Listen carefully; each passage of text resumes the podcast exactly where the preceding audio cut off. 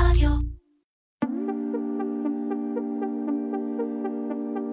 It's not right, but it's okay. But it wasn't even okay, it was just not right. Thank you. Let's highlight the top now. This ICO, she's not playing. $25. It's good stuff. התוכן זר, אבל הטון מוכר? לא טעיתם, ככה בדיוק נשמעת משפיענית רשת אמריקאית. במקרה זה, בעת אירוע הדגמה ומכירה על גבי פלטפורמת BuyWith הישראלית והבינלאומית. אז הפעם בקומרסיישן נדבר ובעיקר תדברנה אשפיות תחום ה social commerce, במגוון אספקטים ותפיסות. חלקו הגדול של הפרק הוקלט במפגש ה social commerce שנערך ב-EY, מפגש שהונחה על ידי חברי המוכשר עומר מלביצקי, מנהל החדשנות והדיגיטל במיטב וגם עורך המגזין והפודקאסט היומי Guts and Glory. האורחות הנהדרות במפגש, אותן ממש תכף תשמעו, הן עדי רונן אלמגור, שהיא מייסדת שותפה BeWith, פלטפורמת הלייב שופינג המצליחה שגם התארחה בקומרסיישן 52 ממש לפני כמה שנים. עדי ארז, סמנכ"לית לקוחות ב-share מדיה, משרד פרסום באמצעות משפיענים שנוסד כבר ב-2014.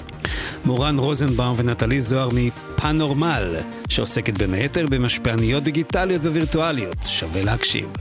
דניאל עמית, משפיענית רשת ידועה, וכן, יש לנו גם כוכב אורח אחד, ודים צלף משופיפיי. רגע לפני, הייתי רוצה לדבר קצת על עולם המשפיענות. כי כמו בכל תחום שמתקרב לנקודת הבשלות שלו, והוא מתקרב, גם כאן צצות לא מעט שאלות שמיד נשאל. כדי לנסות להשיב עליהן, אני מציע אולי לעצור שנייה ולהיזכר מהו הרקע, מהם התנאים שאפשרו את העלייה האסטרונומית של הערוץ הזה. Well, long time ago, ערוצי השיווק והפרסום היו מין כאלה שבעיקר זורקים מסרים על לקוחות שהם לא מכירים. אני יודע שאני מקצין, אבל תזרמו איתי. כי התקשורת בין המותגים, החברות, לבין האנשים, שהם גם הקונים, הייתה, אם אפשר לומר, חד-כיוונית לשני הכיוונים. המילה אינטראקציה הייתה שייכת לתחום הכימיה ו-engagement בכלל בעולם התעופה. אז דיגידן דיגידן לעידן הדיגיטל, פתאום קרה דבר מעניין.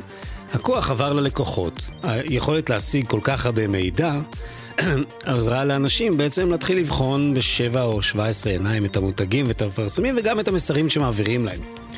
אנשים כזכור גם השתלטו על התוכן, אתם זוכרים? user content generation, שפתאום עבר מתקשורת ההמונים, המס מדיה, אל הידיים של האנשים עצמם, שאנשים התחילו לכתוב, כמובן שמי שתרם לזה בעיקר הייתה פייסבוק, שפתאום אפשרה לאנשים לכתוב מה שהם רוצים, כמה שהם רוצים, מתי שהם רוצים, לא תמיד לטובה. וככה הגענו למשוואה כזו שאמרה, אחד, אנחנו אנשים לא ממש מאמינים לפרסומות ולאגדות שאתם מנסים למכור לנו.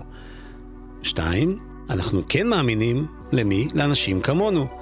ואז התחיל מה שאני קורא שלב האותנטיקון, שלב האותנטיות, שהוא בעצם מה שאפשר את עליית האינפלואנסיריות, המשפיענות, כערוץ מכירות קריטי, חזק, יעיל ולא בושה להגיד, גם רווחי. יש לא מעט חברות שבלי משפיעניות או משפיענים ממש לא יכולים אה, לאזן את ה-P&L שלהם, שלא לומר להרוויח כסף. ומה קורה עכשיו? לפעמים קשה לראות בזמן שזה קורה, אבל כן, אנחנו ממש בעת התרחשותן והתרחבותן של כמה מגמות. כל אחת מהן מוכרת, אבל בואי ננסה להבין מה זה אומר כשהם שלושתם ביחד. המגמה הראשונה כמובן, הבינה המלאכותית, Generative AI, אה, כל מה שמייצר אבטארים או דמויות אה, שאינן בשר ודם, שהופכות להיות לגיטימיות, כלומר ניתן להאמין לדמויות אה, מצוירות, מאוירות, דיגיטליות, תלת-מימדיות, בטכנולוגיה כזו ואחרת, שככל הידוע לי אינן זקוקות לחיסונים. אז זה דבר אחד, כלומר, להיות משפיען מוכר ברשת, או משפיען כבר לא צריך להיות בן אדם אמיתי, אני עושה, מסמל למרכאות. המגמה השנייה זה אינפלציה של קמפיינים שעושה בעצם אותה פרסונה, כלומר, אותה כוכבת או כוכב רשת פתאום מפרסמים המון מותגים, לפעמים גם מתחרים ביניהם, ונוצר מצב של טשטוש ואובדן זהות, ובטח נפילה ברמת האמינות והאותנטיות, כי די קשה לי להאמין שאותו בן אדם שאני ממש קניתי את הנעלי כדורגל ממנו, כי אני חושב שבאמת הוא אוהב אותם, שיום אחרי זה הוא מציע לנעלי ספורט או ציוד ספורט של חברה מתחרה וכן הלאה וכן הלאה, דוגמאות די ברורות. אז זו המגמה השנייה. ואילו המגמה השלישית היא קצת יותר רחבה מזה, ואני קורא לה פוליטיזציה של ערך האמת המוחלטת. לא יחדש לכם שום דבר שהאמת כפי שהכרנו אותה אינה קיימת יותר, אנחנו נמצאים בעידן הפוסט-אמת, כלומר אין ממש ערך לאמת. אז אם נחבר את אובדן האמת כפי שהכרנו אותה, או האמת המבוססת עובדות, אל אינפלציה של קמפיינים על ידי אותה פרסונה, ולעובדה שלא צריך להיות בשר ודם בשביל להיות משפיען, או מישהו שבגללו אני צורך מה שאני צורך. אחד ועוד שתיים ועוד שלוש שם אותנו בעיניי בהתחלת שלב חדש, או עידן חדש, שנקרא לו הפוסט-אותנטיות. כלומר, האותנטיות כבר פחות חשובה. וזה מעלה כמה שאלות מאוד רלוונטיות. האם נמשיך להאמין לאותם משפיענים או משפיעניות? ויותר חשוב מזה, האם זה בכלל חשוב שנאמין להם? אתם יודעים, הנבואה ניתנה לאנשים כמוני, ובכל זאת אני אנסה. אני חושב שאנחנו נמצאים לפני איזושהי תחילת קצה כזה, מין תער כזה שמפצל את עולם המשפיענות לשני ז'אנרים. צד אחד רוצה לקרוא לו משפיענות על מלא. שתתבטא למשל במשפיענים שהם שותפים אמיתיים, לא מקבלים אחוזים על מכירות. ממש שותפים במותג, בחברה שהם מקדמים, הם ממש חלק ממנה. ומהכיוון השני, אולי ההופכי של זה, גשם של מטאורים, כוכבים אמיתיים או לא אמיתיים, לחוטיים, בשר ודם, אה, אבטרים של אנשים מוכרים ואמיתיים, שמקדמים הכל מכל וכל, ומה שיתפוס, יתפוס. אז מה יתפוס, אתם שואלים? כמו כל דבר בעידן הדיגיטל. בסוף, מה שאנשים חושבים שנכון. מה שאנשים יבחרו ככזה שעובד להם, שאפשר להאמין לו, או שלא צריך להאמין לו. מה שיתפס בעיני כל אחד מאיתנו, וכנראה על ידי מסות מאוד גדולות של אנשים, בתור הדרך הכי טובה להיות משוכנעים, להשתכנע כדי לרכוש מוצר כזה ואחר. על הדבר הזה אני רוצה לשים כוכבית אחת, כל זה נכון, רק עד שהבינה המלאכותית תתחיל להחליט גם עבורנו. קומרסיישן, מדברים על e-commerce עם תימור גורדון. והפעם, social commerce, עם עומר מלביצקי, עדי רונן אלמגור, עדי ארז, מורן רוזנבאום, נטלי זוהר ודניאל עמית. הפרק בשיתוף EY. אה, מפה אני רוצה להעביר את רשות הדיבור לעומר מלביצקי, שהנחה את הכנס הנפלא שעליו דיברתי. זה שלך, עומר.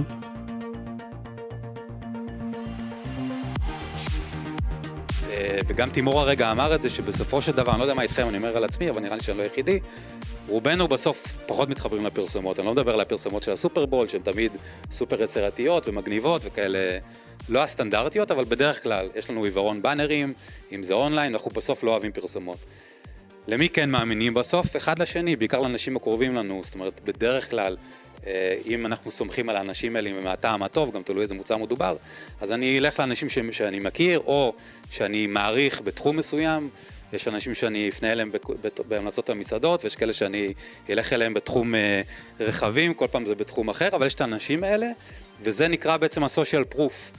זה לא אני או מישהו כמובן המציא את זה, זה משהו שקיים פה תכלס אה, מאז ומתמיד, זה פשוט מקבל עכשיו ביטוי יותר משמעותי בעידן הדיגיטלי. פה אנחנו רואים את הדוגמה, שג'סיקה פה כתבה את, ה, את החוות דעת שלה, ככל שאני וג'סיקה יותר קרובים, אז כמובן שאני אאמין לה יותר, והעוצמה של ההמלצה הזאת היא הולכת ומתחזקת. אה, וקצת הקדמת את המאוחר, אבל בתכלס, ג' יפית זה בדיוק מה שהיא עשתה, שחושבים על זה, היא גם כמובן בחוכמה רבה ובחוש עסקי מאוד מפותח, לקחה את זה באמת למקסימום. אם חושבים על זה, היא סוג של הייתה האינפלואנסרית הראשונה, סוג של. אה, כמובן שזה היה פרסומות, זה היה מטעם, זה היה ממומן, זה היה ברור לכולם, אבל היא הראשונה ש... ודרך אגב, מי שזוכר גם בזמנו, גם די ירדו עליה על הקטע הזה, כי זה היה נורא... לבל אה, מסוים של פרסומות, אבל בסופו של דבר זו הייתה פרסומת, אבל דיברה, דיברה על הלב שלנו. היא דיברה תכלס, כמה שזה היה אפשר, אה, וזה עבד, כי הדבר הזה הלך וצמח. היום גם יש כל מיני... אה, לא יודע אפילו לקרוא לזה ממשיכי דרכה, כאלה שהם סלבס כאלה ואחרים, שכאילו עשו כל מיני פינות המלצות וכאלה, זה לדעתי גם קצת פחות אפקטיבי. מה שכן בא אחר כך זה עולם המדיה החברתית כמובן, שנתן את הבמה אה, והתשתית המטורפת לכל מה שאנחנו מכירים היום. יש פה איזשהו שקף מ-e-marketer שבעצם מראה לאורך השנים, למרות שתכלס לא צריך את הדוחות האלה ואת הגרפים כי כולנו מרגישים את זה על בשרנו, איך עולם המדיה החברתית בא ויצר תעשיות חדשות, יצר אה, אה, את תחום המשפיענים בין היתר, יצר עוד הרבה דברים, אבל לקח את זה למקום אחר לגמרי. איפה היינו בעצם פעם? אוקיי, פעם במרכאות, כי זה גם כן לא היה כזה ממזמן, אנחנו היינו נכנסים למדיה החברתית, לא משנה איזשהו ערוץ, כל הזמן הערוצים גם משתדרגים והופכים להיות אה, יותר אה, מתוחכמים וגם חדשים, והיינו מגלים, זאת אומרת, קמפיין או מותג מסוים, מה בא מפרסם את המוצר, לפעמים זה היה גם במדיה אורגנית, למרות שזה גם כן ירד עם הזמן כי זה נהיה פחות אה, אפקטיבי, אבל היינו רואים איזשהו מוצר, היינו אומרים מגניב, לחצנו על זה, עוברים לעמוד המוצר, אם, אם זה באפליקציה או באתר, קוראים, עושים את ה... את הריסרצ' שלנו, לראות אם המוצר מתאים לנו וכולי. ברגע שאנחנו מקליקים ועושים את ה... רוצים לעשות את הקנייה בפועל, עוברים לאתר וקונים. זה מה שהיה פעם. התכנסנו פה היום כדי לדבר על העולם החדש. העולם החדש, שוב, הכל במרכאות, זה שבעצם הדיסקאברי מתחיל כבר פה בסושיאל, עם כל מה שזה אומר בכל אחד מהערוצים כמובן, וכבר בסושיאל עצמו אני פוגש את המשפיען, משפיענית, את המותג, לא משנה מה, אני כבר רואה את המותג, את, ה, את ההצעת הערך שמדברת אליי, כבר פה אני עושה את הקנייה, זאת אומרת דילגתי על השלב הזה, והקנייה נעשית כאן. עכשיו, עוד מעט אני הולך לדבר על קצת מה קורה בדרום מזרח אסיה, ששם זה על סטרואידים הדבר הזה, אבל העולם הולך יותר ויותר לכיוון הזה. יש עוד המון המון שאלות בדרך, אני לא רוצה לעלות פה בפרטים, אם אתם חושבים על זה, הנושא של הלוגיסטיקה, מה לגבי הנושא של החזרות, שאלות כמו מי אחראי בסוף על השירות לקוחות? אפילו, אפילו באתי דרך אינפלואנסר או אינפלואנסרית מסוימת וקניתי ובסוף אני לא מרוצה, למי אני בא בטענות? למותג, למי שהמליץ, יש פה עוד הרבה שאלות מסביב, אבל הרעיון הוא כזה, את הקנייה אני עושה עצמה אה, ישירות באונליין. עכשיו יש פה כמה שקפים של מספרים רק כדי להבין, אה, הקצב אימוץ האינטרנט במובייל בעולם, זה נורא נורא חשוב, כי בסוף זה כמובן מה שמאפשר את כל הדבר הזה. שימו לב לחץ הוורוד שבגלובל יש ב, אה, קצת פחות נגיד, בוא נגיד 60 אחוז מאימוץ אה, אינטרנט במובייל. אפריקה, תשימו לב למעלה, כבר 74 אחוז, באסיה 70 אחוז. זה דווקא במדינות שבהם הם סוג של קפצו מעל אימוץ האינטרנט דרך דסטופים וקופצים ישירות למובייל. זה גם קורה בדרום מזרח אסיה, ואני אתייחס לזה גם עוד מעט. בסין למשל, שזה מיליארד סינים או כמה שהם כבר היום אה, לא טועים, ושם דרך אגב זה כבר כמעט, זה במיליונים, כן? כמעט מיליארד סינים מחוברים לאינטרנט במובייל, זה מספרים שהם פשוט פסיכיים לגמרי, ומשפיעים כמובן על כל הכלכלה הזאת. ואם אנחנו עדיין נמצאים פה בסין מבחינת אחוז החדירה אה, ביחס לאוכלוסייה, אנחנו נמצאים היום ב-2023 ויש 75 אחוז, הצפי עד 2027 שיהיה, יבוא כבר את ה-80 אחוז, ושוב, כשאנחנו מדברים על מדינה כמו סין, המספרים הם כמובן מטורפים לגמרי, המדינה אחר כך אה, הבאה בתור זה הודו, אה, זה סקיילים שאנחנו קשה לנו פה כרגע בכלל להבין אותם, אבל זה באמת משהו מטורף, ואם מישהו שואל דרך אגב איך אנחנו נמצאים פה בארץ, אז יחסית במקום טוב, 2023, אנחנו יותר מ-80% אחוז חדירה של אינטרנט במובייל, מעניינים. וזה כמובן המספרים רק צפויים לעלות. כל הדבר הזה הוא קריטי, זה נראה לנו לא מובן מאליו, כי היום אנחנו כל הזמן אומרים, המובייל זה המסך הראשון, אנחנו כל אה, אה, דקה פנויה, אפילו לא פנויה, אנחנו עם הראש בתוך המסך הקטן, אבל זה הפך להיות המסך הראשון שלנו. בסדר? הרבה לפני טלוויזיה והרבה לפני אה, דסטופים. בוא נדבר רגע על סין, כי אני דווקא כן רוצה לתת את הזווית הזאת, זה, זה היה שער הכניסה שלי לעולם הזה מבחינת מה שקורה שם. אה, יצא לי גם אה, פעמיים להיות שם, ובביקור האחרון דווקא מול חברות טכנולוגיה, וזה פשוט, מה שקורה שם זה מדע בדיונים, בשביל מישהו כמוני להיות שם, ולראות מה שקורה, זה כמו ילד בחנות אה, ממתקים, כי זה, זה פשוט מטורף. סין זה דוגמה קלאסית, ושוב, היא לא היחידה, גם הודו ככה, גם אפריקה ככה, מדינות שמתישהו נכנס האינטרנט למדינה, זה לא היה כמו במערב, הם למעשה קפצו בכלל על השימוש בדסקטופים, אין, אין דבר כזה כמעט desktop בבית, ישר ל-mobile. בסדר? זה משפיע לגמרי על כל מה שקורה שם מבחינת תרבותית וגם עסקית. Uh, מה שקרה שם, ואני מחזיר אתכם למספרים שהראיתי מקודם מבחינת אחוז השימוש והחדירה, שבסין ובדרום מזרח אסיה יש מה שנקרא super apps.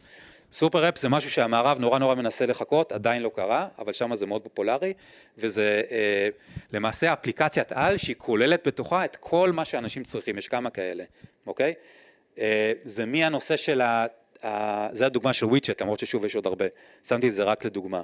זה מהנושא של הסושיאל, בסדר, אין להם שם, יש, אבל זה לא הפייסבוק והוואטסאפ וכאלה, זה הכל ארוז בתוך אותו, אותה אפליקציית על. אז כל ערוצי הסושיאל שלי, כל ערוצי ה-content, הוויינטים, הוואלה, הגיא פינס, הכל הכל קורה בדיוק בתוך האפליקציה עצמה.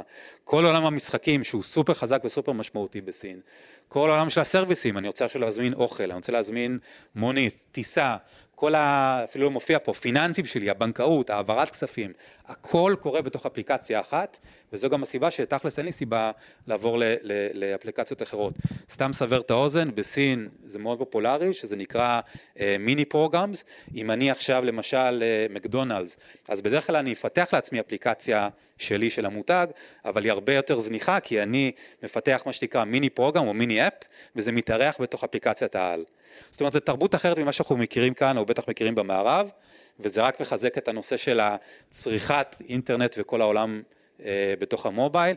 רק אסבר את האוזן, בסין אה, ב-2021 נעשו טרנזקציות של 360 מיליארד דרך social commerce. זאת אומרת, דרך החיבור הזה בין משפיענים ומשפיעניות לבין הנושא של קנייה אונליין. כמובן שבמערב רק התחילו עכשיו לגרד את זה, עוד מעט אה, עדי תבוא ואולי תרחיב לגבי זה, אבל אנחנו בטח ובטח לא נמצאים במקום שבו אה, סין ודרום מזרח אסיה נמצאים, יש עוד הרבה צמיחה.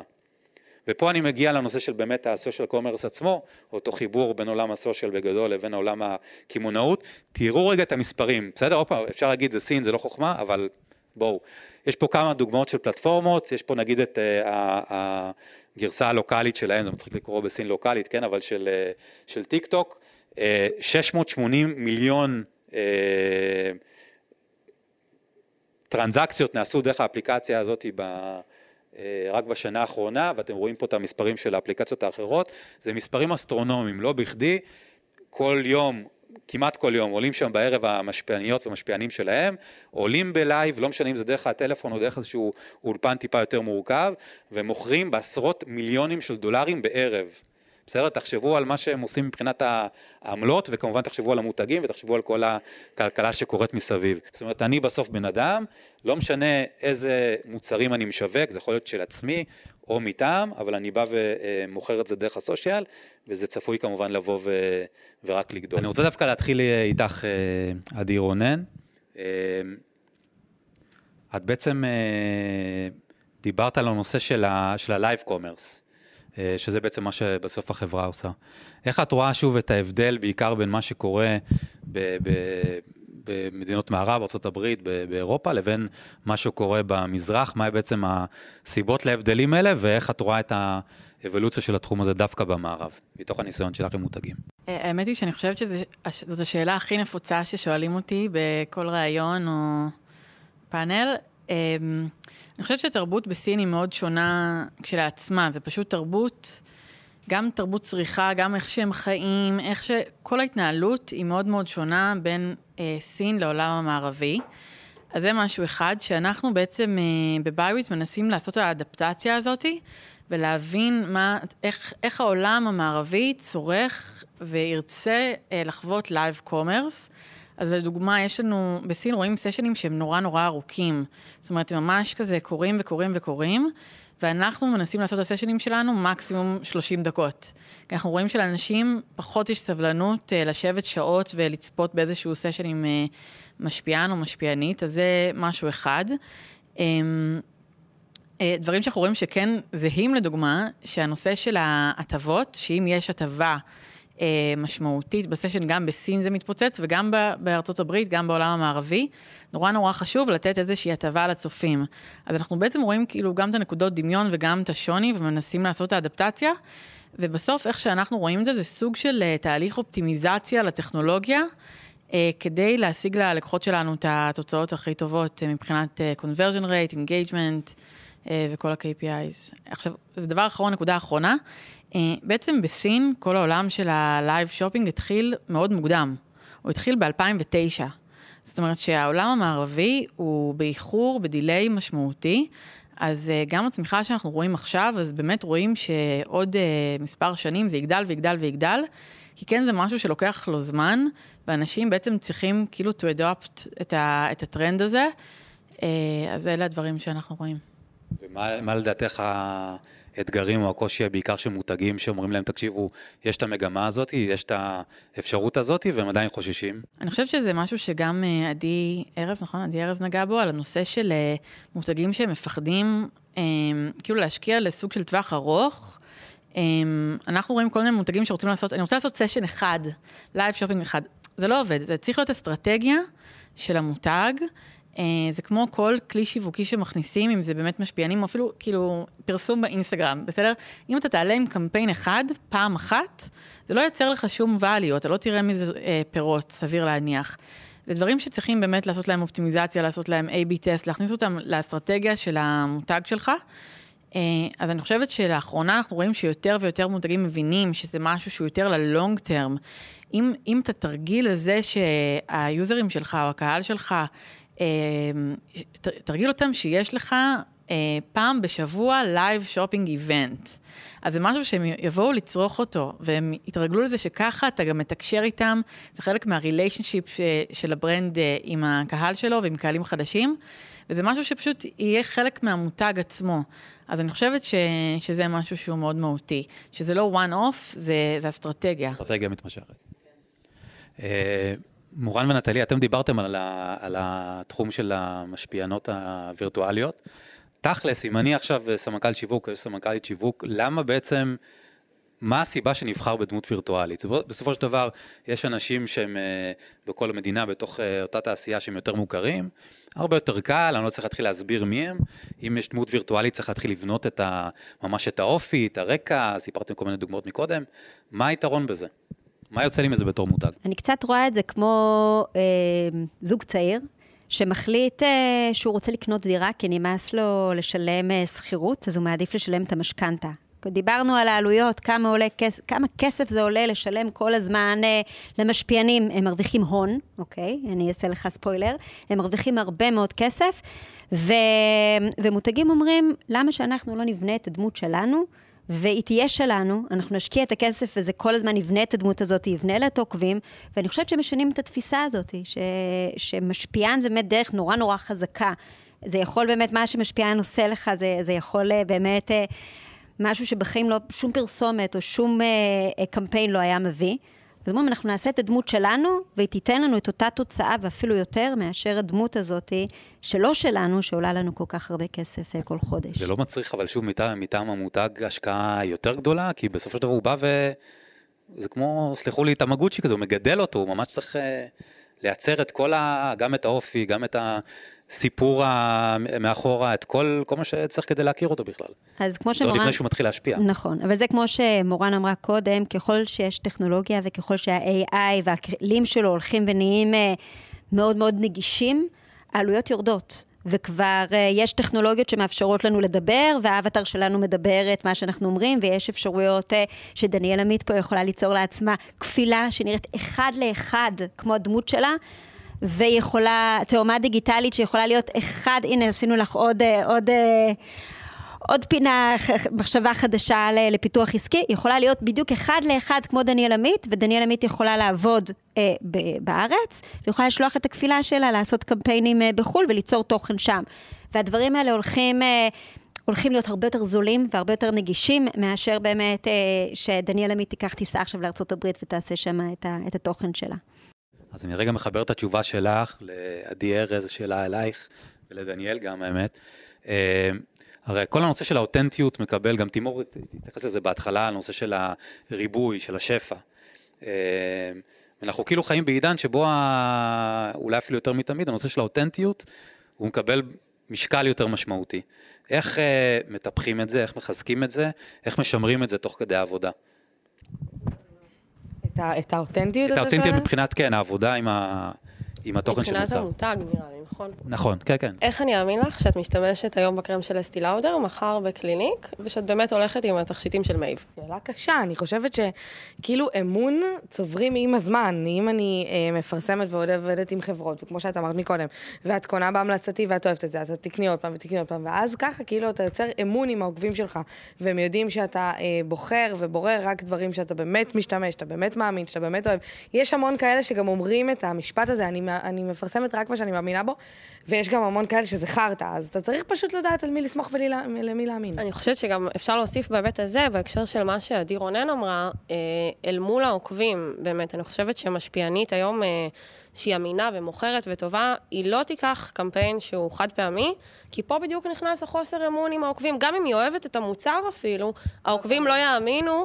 לפעמים זה גם עובד, ברור, היה לנו ניסיונות, אבל תסכימי איתי שמותגים שאת עובדת איתם שנתיים, וכמו שגם עדי אמרה, שאני אחכה כל חודש לראות את ההטבה שלך כדי לקנות את המוצר, ואני רואה שכשאת מצלמת את הסטורי, גם הוא חצי ריק, אז אני יודעת שאת באמת משתמשת בו. לא, היום יותר מפעם אה, לא עושים, אה, כאילו, אפשר לעשות גם פעילויות חד פעמיות, וזה קורה גם מלא, אבל לרוב עושים כאילו חוזה חצי שנתי או שלושה חודשים ומעלה, באמת שיהיה לזה המשכיות. כי בסופו של דבר הצרכן רוצה לראות את ההמשכיות הזאת, ורוצה לראות את החזרתיות הזאת, ואם הוא ראה פעם ראשונה, הוא יגיד, אה, נחמד, פעם שנייה, וואלה, היא באמת משתמשת בזה, פעם שלישית, כל טוב, פעימה עוד, עוד אקנה. מישהו משתכנע, עוד מישהו אז אנחנו לא אומרים שבפעימה הראשונה לא קונים, אבל כנראה שבפעימה השלישית אה, כבר יקנו יותר, וככל שגם יהיה יותר תוכן עם אותו המותג, ותוכן מסוגים שונים, לא רק פעימה בסטורי, גם באמת יום צילום, וישלחו מתנה למשפיענית הביתה ליום הולדת שלה, מתנה שהיא לא קשורה למותג, או יזמינו אותה לאיזושהי הרצאה, או כל דבר כזה יחזק את החיבור למותג ואת ה... אמינות שהמשפיענית מאמינה במותג, ורק לסיכום של הדבר הזה, באמת, אם אני מאמינה במשפיענית, אני אאמין גם במה שהיא מוכרת, וזה זה כלל, הכלל המסכם.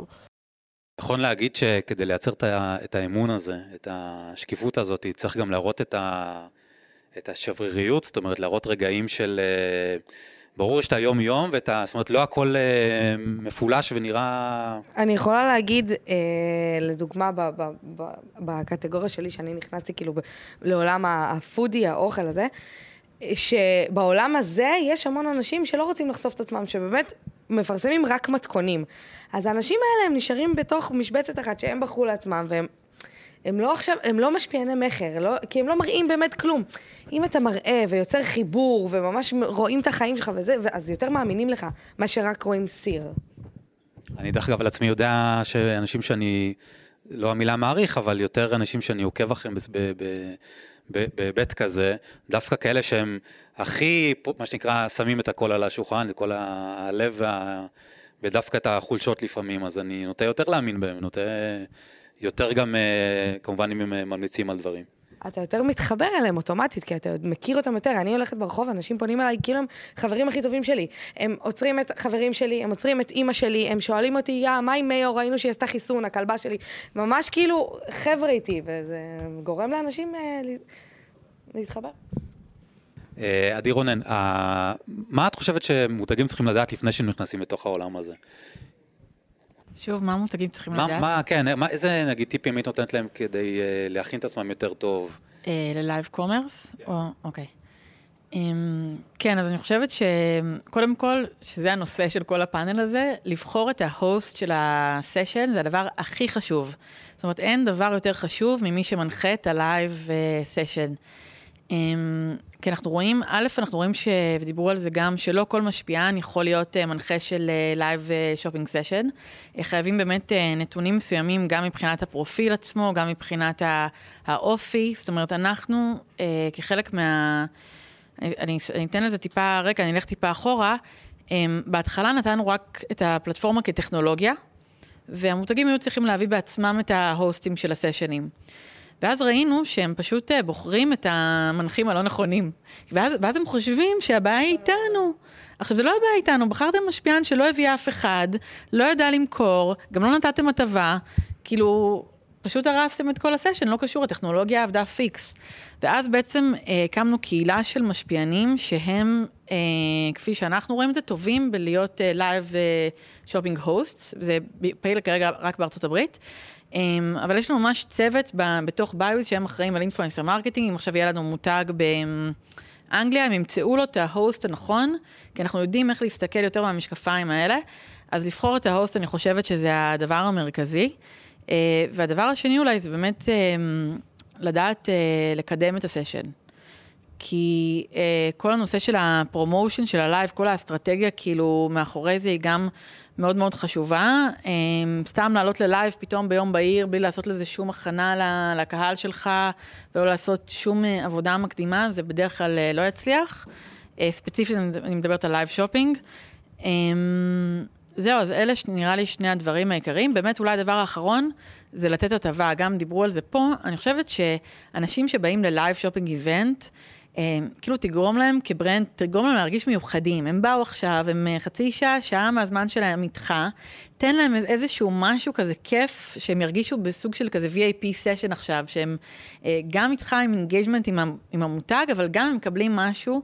אני חושבת שזה, אלה שלושת הדברים. מה לדעתך היתרון אבל ב- ב- ב- בסוף ב session live? זאת אומרת, אני יכול לעשות משהו הרבה יותר מהוקצע וערוך, ו- ו- בלייב יכולים לקרות הרבה יותר טעויות והרבה יותר דברים שהם, מה לעשות, לא מתוכננים. בכל זאת, מה, מה הסיבה לעשות את זה? כן, אז אני חושבת שגם אנחנו כחברה, בהתחלה שהתחלנו לעשות את, ה, את הלייבים, זה היה התקפי לב, זה היה כאילו סדנה להתמודדות עם חרדה. ממש, לי ולשותף שלי ולעובדים שלנו, כי זה כאילו קורה לייב, עכשיו זה שידור ישיר, כל באג שיקרה, כל דבר, כאילו זה וואי, למות. אמ, אז אני מבינה גם את הקטע הזה של לייב אה, זה יותר מפחיד. אמ, אבל יש משהו, בעצם שאתה, זה ממש אפשר להקביל את זה לשידור חי, אוקיי? שידור חי בטלוויזיה, אה, שאנשים באים לראות, זה משהו שהוא חי, יש איזשהו excitement אה, על הדבר הזה, אוקיי? זה משהו שקורה עכשיו, ו- ומעבר לזה, גם המשפיענית וגם ה brand הם בעצם ב engagement שהוא ב real time עם הצופים. אז עכשיו שיש שאלות שנענות ב real time, דברים שקורים תוך כדי הלייב, אה, כל מיני gamification כאלה, סקרים, כל מיני דברים שקורים אה, בלייב. עכשיו, אנחנו רואים, יש לנו את העמוד של ה-VOD בתוך האתר של המותג, אה, שיש שם את כל התכנים, פשוט אה, מסודרים בהקלטות, אפשר לצפות בזה. הרבה פחות אנשים צופים בהקלטות מאשר אנשים שבאים ללייב. בלייב יש חוויה אחרת, זו חוויה שהיא פשוט קורית ב real time, וה engagement הזה יש לו קסם, שתחשוב כאילו שבסשן ממש מדברים איתי, עונים לי לשאלות, כאילו הכל קורה שם. יש גם עוד הרבה אנשים אחרים איתי שבדבר הזה, זאת אומרת, יש חוויה נורא נורא כיפית שקורית, אמ, וזה, וזה משהו אחר מ- מלראות הקלטה. דניאל, אני רוצה לשאול אותך דווקא, יש, uh, היו מקרים שבהם מותג מסוים בא עם, uh, במרכאות, uh, דף מסרים, ומה לעשות, לא, לא, לא, לא עובר. אני אחת המלחמתיות בדבר הזה. קורה כל כך הרבה פעמים שנוחת איזשהו בריף. וואי, זה קרה, סתם דוגמה, הביאו איזשהו קמפיין לעוגייה מסוימת, וכולם היו צריכים להעלות אותה כפוסט ולרשום, זה לא היה סתם, הרגע המתוק שלי עם העוגייה, משהו כזה. ואני הסתכלתי על זה וחטפתי חום, אמרתי להם, נו באמת, כאילו, אי אפשר ללכת עם, הטמטום הזה. ואני היחידה שהפכתי את העולם, ואמרתי להם, אתם רוצים, תביאו לי את העוגיה, עשיתי ממנה עוגת ביסקווידים, כאילו, לדוגמה.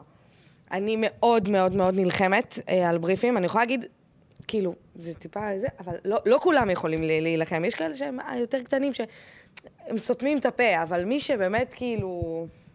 שווה לעמוד על שתי הרגליים כדי להגיע גבוה, זה מה שאני... גם אם זה עולה לך בקמפיין? מיליונים פעמים זה עלה לי בקמפיין. בהנפת יד, לא, לא. כל מי שמתחיל להתווכח וזה, אני יודעת איך הדברים עובדים. לי זה חשוב שדברים שאני עושה מאוד יעבדו. אם, אם בא אליי, זה קרה אתמול, או אפילו היום, בקמפיין עם איזושהי פעילות אה, לנועה סוכן שלי שנמצאת כאן, ואמרו, בואו נעשה את הפעילות הזאת וניתן את הפרס הזה וזה. אמרתי להם, תקשיבו, אני יכולה לעשות את זה, אבל אני אומרת לכם, מעכשיו, אתם משלמים לי את הכסף הזה, זה לא עובד. מפה תעשו מה שאתם רוצים. ואז הם מתחילים לפחד, ואז הם מפחדים לבאס את הלקוח. ואז... יש פה מישהו שרוצה לשאול שאלה? שאלה מהקהל? אז רגע, אני חוזר על השאלה לטובת ההקלטה. נשאלה פה שאלה, אה, התחום הזה הוא מאוד יקר, בדרך כלל עולה הרבה מאוד כסף, לא כל המותגים הם כאלה שיכולים להרשות לעצמם, אז איך מתמודדים עם העלויות האלה?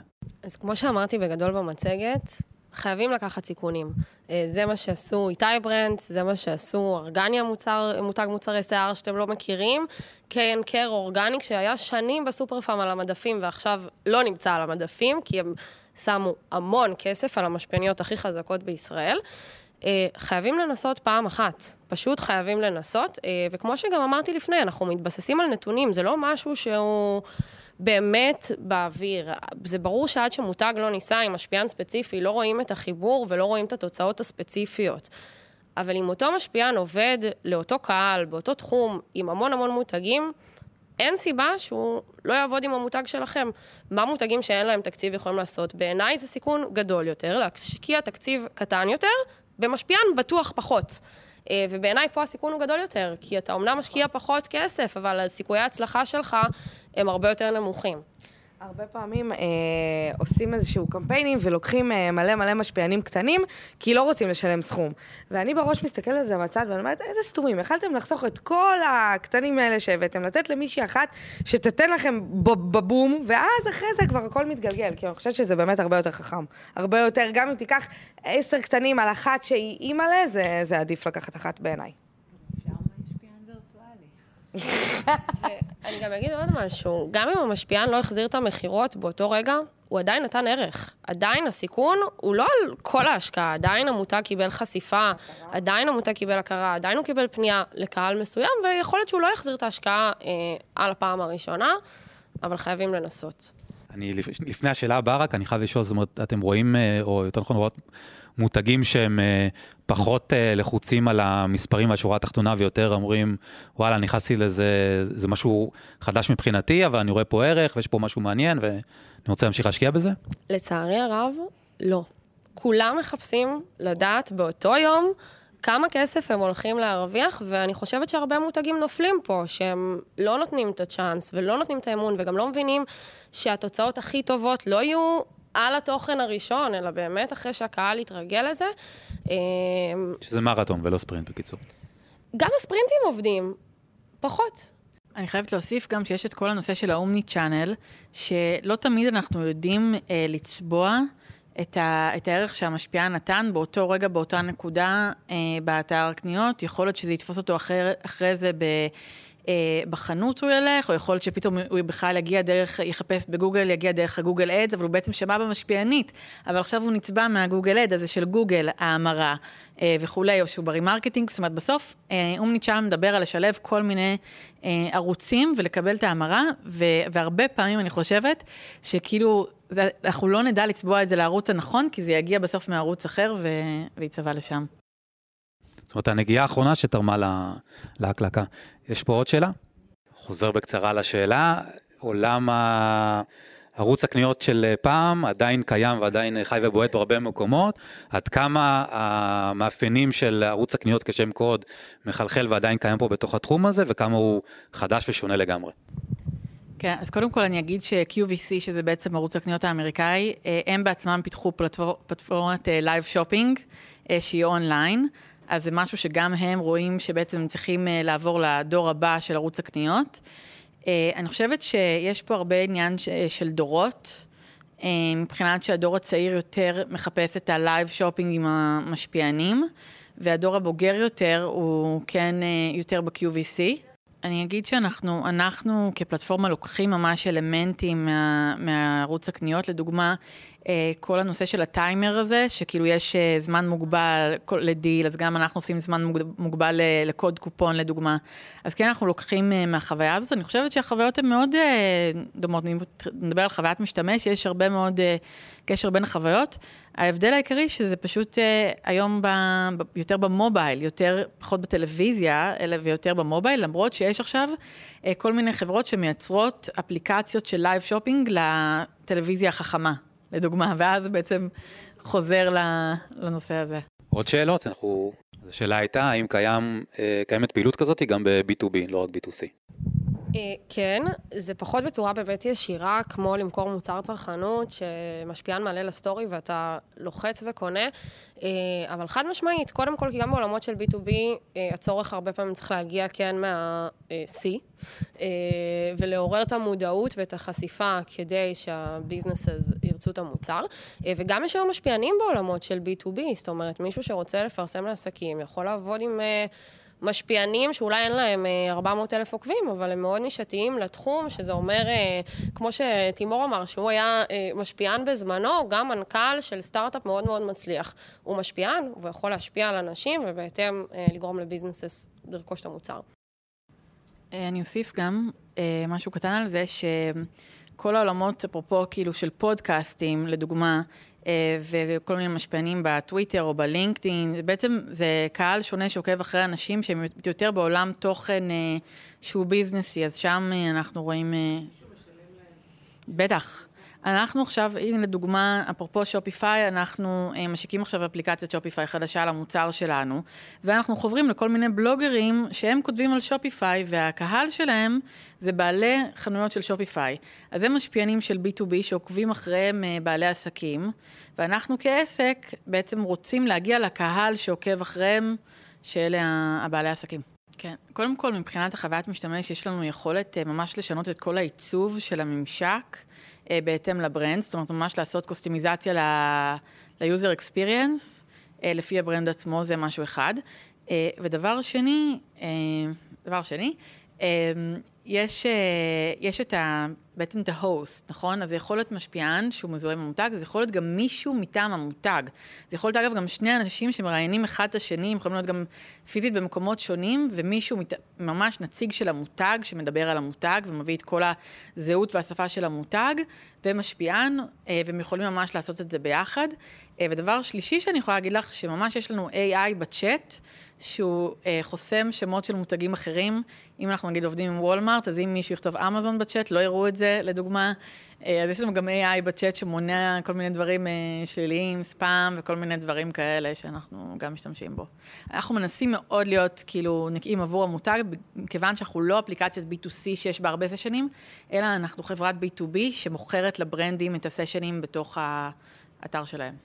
אני רוצה רגע, אני יודע שיש עוד שאלות, מקסימום תשלחו, ואני עוד אה, אה, נפיק פה עוד תוכן ונוכל לפרסם אה, תשובות לשאלות בהמשך. אני רוצה אבל לשאול את כולכם שאלה, ודווקא אתן מתייחסות לזה בצורה הכי ישירה. זאת אומרת, מה יהיה הדבר הבא? אתן מדברות כמובן על הדמויות הווירטואליות ולאן השוק הזה מתפתח, אבל גם כל אחת מכן בגזרה שלה, מה יהיה השלב הבא? אז באמת אנחנו רואות ש... uh, תחום המשפיענים הווירטואליים, אנחנו לוקחים את זה לכיוון שלנו, uh, יהיה יותר מונגש. אנחנו כבר היום רואים שהרבה מאוד מותגים, גם לא איי-ליסטרים, uh, זאת אומרת, לא מותגי היי-אנד, uh, uh, גם מותגים שהם uh, uh, מוכרים לקהל הרחב, משתמשים בדמויות הווירטואליות האלה, בגלל שהן מאוד מאוד נגישות, ובעתיד יהיה יותר קל למותגים בעצם לבנות את ה-virtual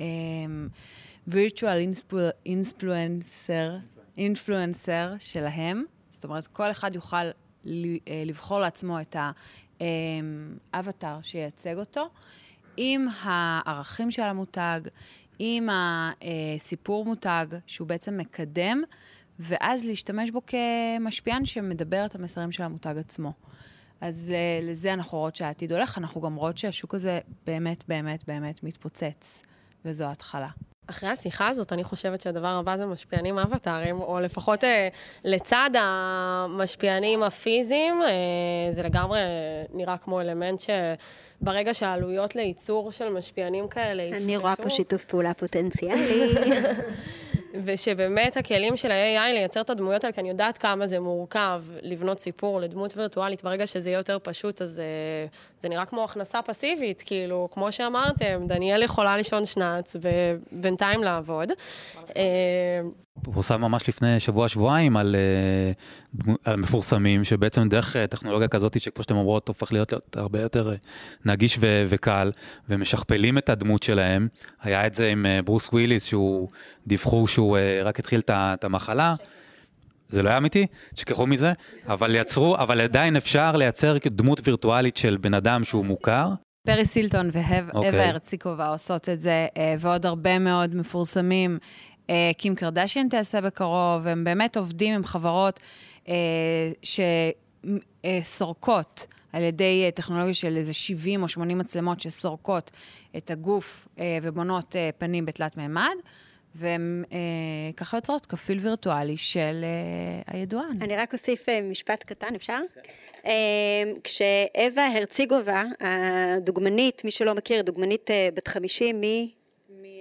מצ'כיה, אז היא יצרה לעצמה אה, באמת דמות וירטואלית שיכולה לעשות קמפיינים, והיא אמרה שהיא החליטה שהיא רוצה בגיל 50 להיות בבית אה, בארוחות ערב עם הילדים שלה, בזמן שהאבטרית שלה עובדת, ואני חושבת שמונה בערב היא, וואי, אם האבטרית שלי הייתה יכולה לעבוד פה, הייתי, הייתי מסודרת, אז יש למה לשאוף אם אתה אומר אה, לאן הולך העתיד. זה הייתי חייבת. אה, עוד מילה לגבי העתיד, שזה כן גם ההווה, אה, אבל אני מאמינה שזה ילך ויעמיק, וזה באמת חיבורים שהם יותר עמוקים ויותר ספציפיים. דיברנו על זה, במקום לעבוד עם עשרה משפיענים שונים, וכל אחד משהו קטן, ונכון, המשפיענים הם כבר היום שותפים בעסק עם עשרה אחוז עמלות. ככל שהשת"פ הזה יעמיק, האחוזים יגדלו. החיבור שלהם לברנד, אנחנו רואים כבר מותגים שעושים את זה, כן, ומוציאים אה, קולקציות על שם אה, משפיענית, או מותג של המשפיענית עצמה, וככל שיותר ויותר מותגים יעשו את זה, ובעצם הבעלות תהיה של המשפיען, אנשים יותר יקנו, כי כמו שדיברנו גם מקודם, אני הרבה יותר ארצה לקנות מהחבר הכי טוב שלי, מאשר מאיזשהו אה, תאגיד ענק. אה, אז העמקת החיבור. עדי? אה, כן, אני חושבת שכל הנושא ש... כאילו הרבה אנשים הופכים להיות קריאייטור, שכל אחד הוא קריאייטור בעצם, אני חושבת שזה זה משהו שאני הייתי רוצה לראות שהעולם כאילו הולך אליו, שבסוף אנחנו, כזה כולנו נהיה חלק מה, מהדבר הזה, כל אחד כאילו במעגל שלו. אפרופו AI דרך אגב. מה זה? אפרופו AI. כן. שהוא מאפשר הרבה... נכון, נכון, נכון. האמת היא שעכשיו חזרתי מכנס מווידקון, ובאמת אה, יש עכשיו אה, הרבה אה, סטארט-אפים שממש נותנים המון המון כלים. לקריאייטורס, שבעצם באמת הופכים כל אחד לקריאייטור, כאילו, במעגל הספציפי שלו, אה, ואני, כן, אני חושבת שלשם זה הולך. טוב, אז אה, אנחנו נסיים בזה, תודה רבה. אה, תודה נטלי, מורן, עדי, דניאל ועדי. תודה רבה. תודה שוב על האירוח. תודה. היה כיף. עכשיו מין bonus material כזה, אחרי ששמענו את הפאנל עם, עם הדוברות הנפלאות האלה. אורח שלא היה בארץ הרבה מאוד שנים, אה, ודים, ודים צלף, שגם היה כמובן גם אצלי בקומרסיישן בתקופת הקורונה, אה, ב Shopify, אולי הישראלי הכי בכיר היום ב Shopify, הוא חי בקנדה, עובד בקנדה ב Shopify, והוא הצטרף אלינו לכנס והוא סיפר בכמה מילים על המוצר החדש המאוד מאוד מעניין של Shopify, שקשור כמובן לעולם המשפיענות. הוא בעצם מחבר בין אה, בעלי אתרים, בין המוכרים, ה merchants של Shopify, למגוון מאוד גדול מעין marketplace של influencers. אהלן, שלום לכולם. אז uh, זה באמת פרי uh, סטייל, אין לי מצגת, אבל uh, כן אולי נעלה פה איזה את הדף מהאתר. Um, אז הנושא של social commerce הוא מאוד חשוב, ובמיוחד ל Shopify, שזו פלטפורמה מאוד גדולה ל commerce בגדול. המון מהסוחרים על Shopify מתבססים, ההצלחה, של, ההצלחה שלהם תלויה בעד כמה הם יכולים בעצם לפרסם. והפרסום זה לא קל, במיוחד לעסקים קטנים, אבל גם לעסקים גדולים. כמה דוגמאות לכמה social commerce באמת השפיע על, על סוחרים שעובדים על Shopify. אחד, אחד המותגים הגדולים שלנו זה קיילי, קיילי ג'נר, שהיא בעצם המשפיענית הכי גדולה וגם אחד, אחד הברנדים הגדולים על שופיפיי.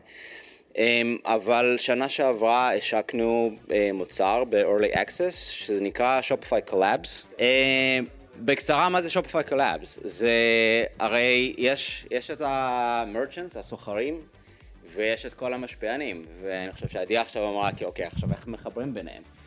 ובגלל ששופיפיי זה פלטפורמה גלובלית, אנחנו כן פונים לכל, ה, לכל העולם, גם מבחינת סוחרים וגם משפיענים. אז Shopify Collabs זה, זה מוצר שבעצם מאפשר למשפיענים אה, להגיע לסוחרים ולסוחרים להגיע למשפיענים.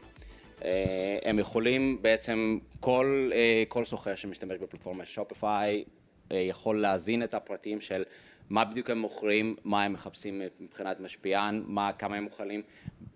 כמובן שהקשר ביניהם צריך להיות מבוסס על... אה, על שיתוף ושיתוף וכמובן שהם גם צריכים להרוויח מזה, כמה הם מוכנים לשלם והמשפיענים מצד שני גם אה, מזינים את הפרטים שלהם לתוך המוצר ואז אה, הם מוצאים אחד את השני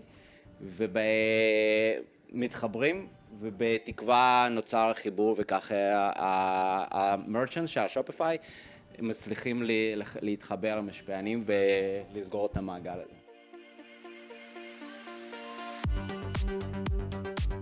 אוקיי, והנה הגענו לסיום של הפרק המעניין הזה, פרק שבאמת הציג את עולמות ה e-commerce מזווית קצת שונה, קצת יותר מעולמות ה marketing, אה, עם זווית אנושית וטכנולוגית, עם הרבה מאוד אה, מקומות שבהם ניתן אה, ללמוד גם על איך הדברים עובדים, גם ברמה העסקית, גם ברמת ההתנהלות, גם ברמת התוצאות, ובעיקר, מה זה עושה לאנשים, לאנשים ש...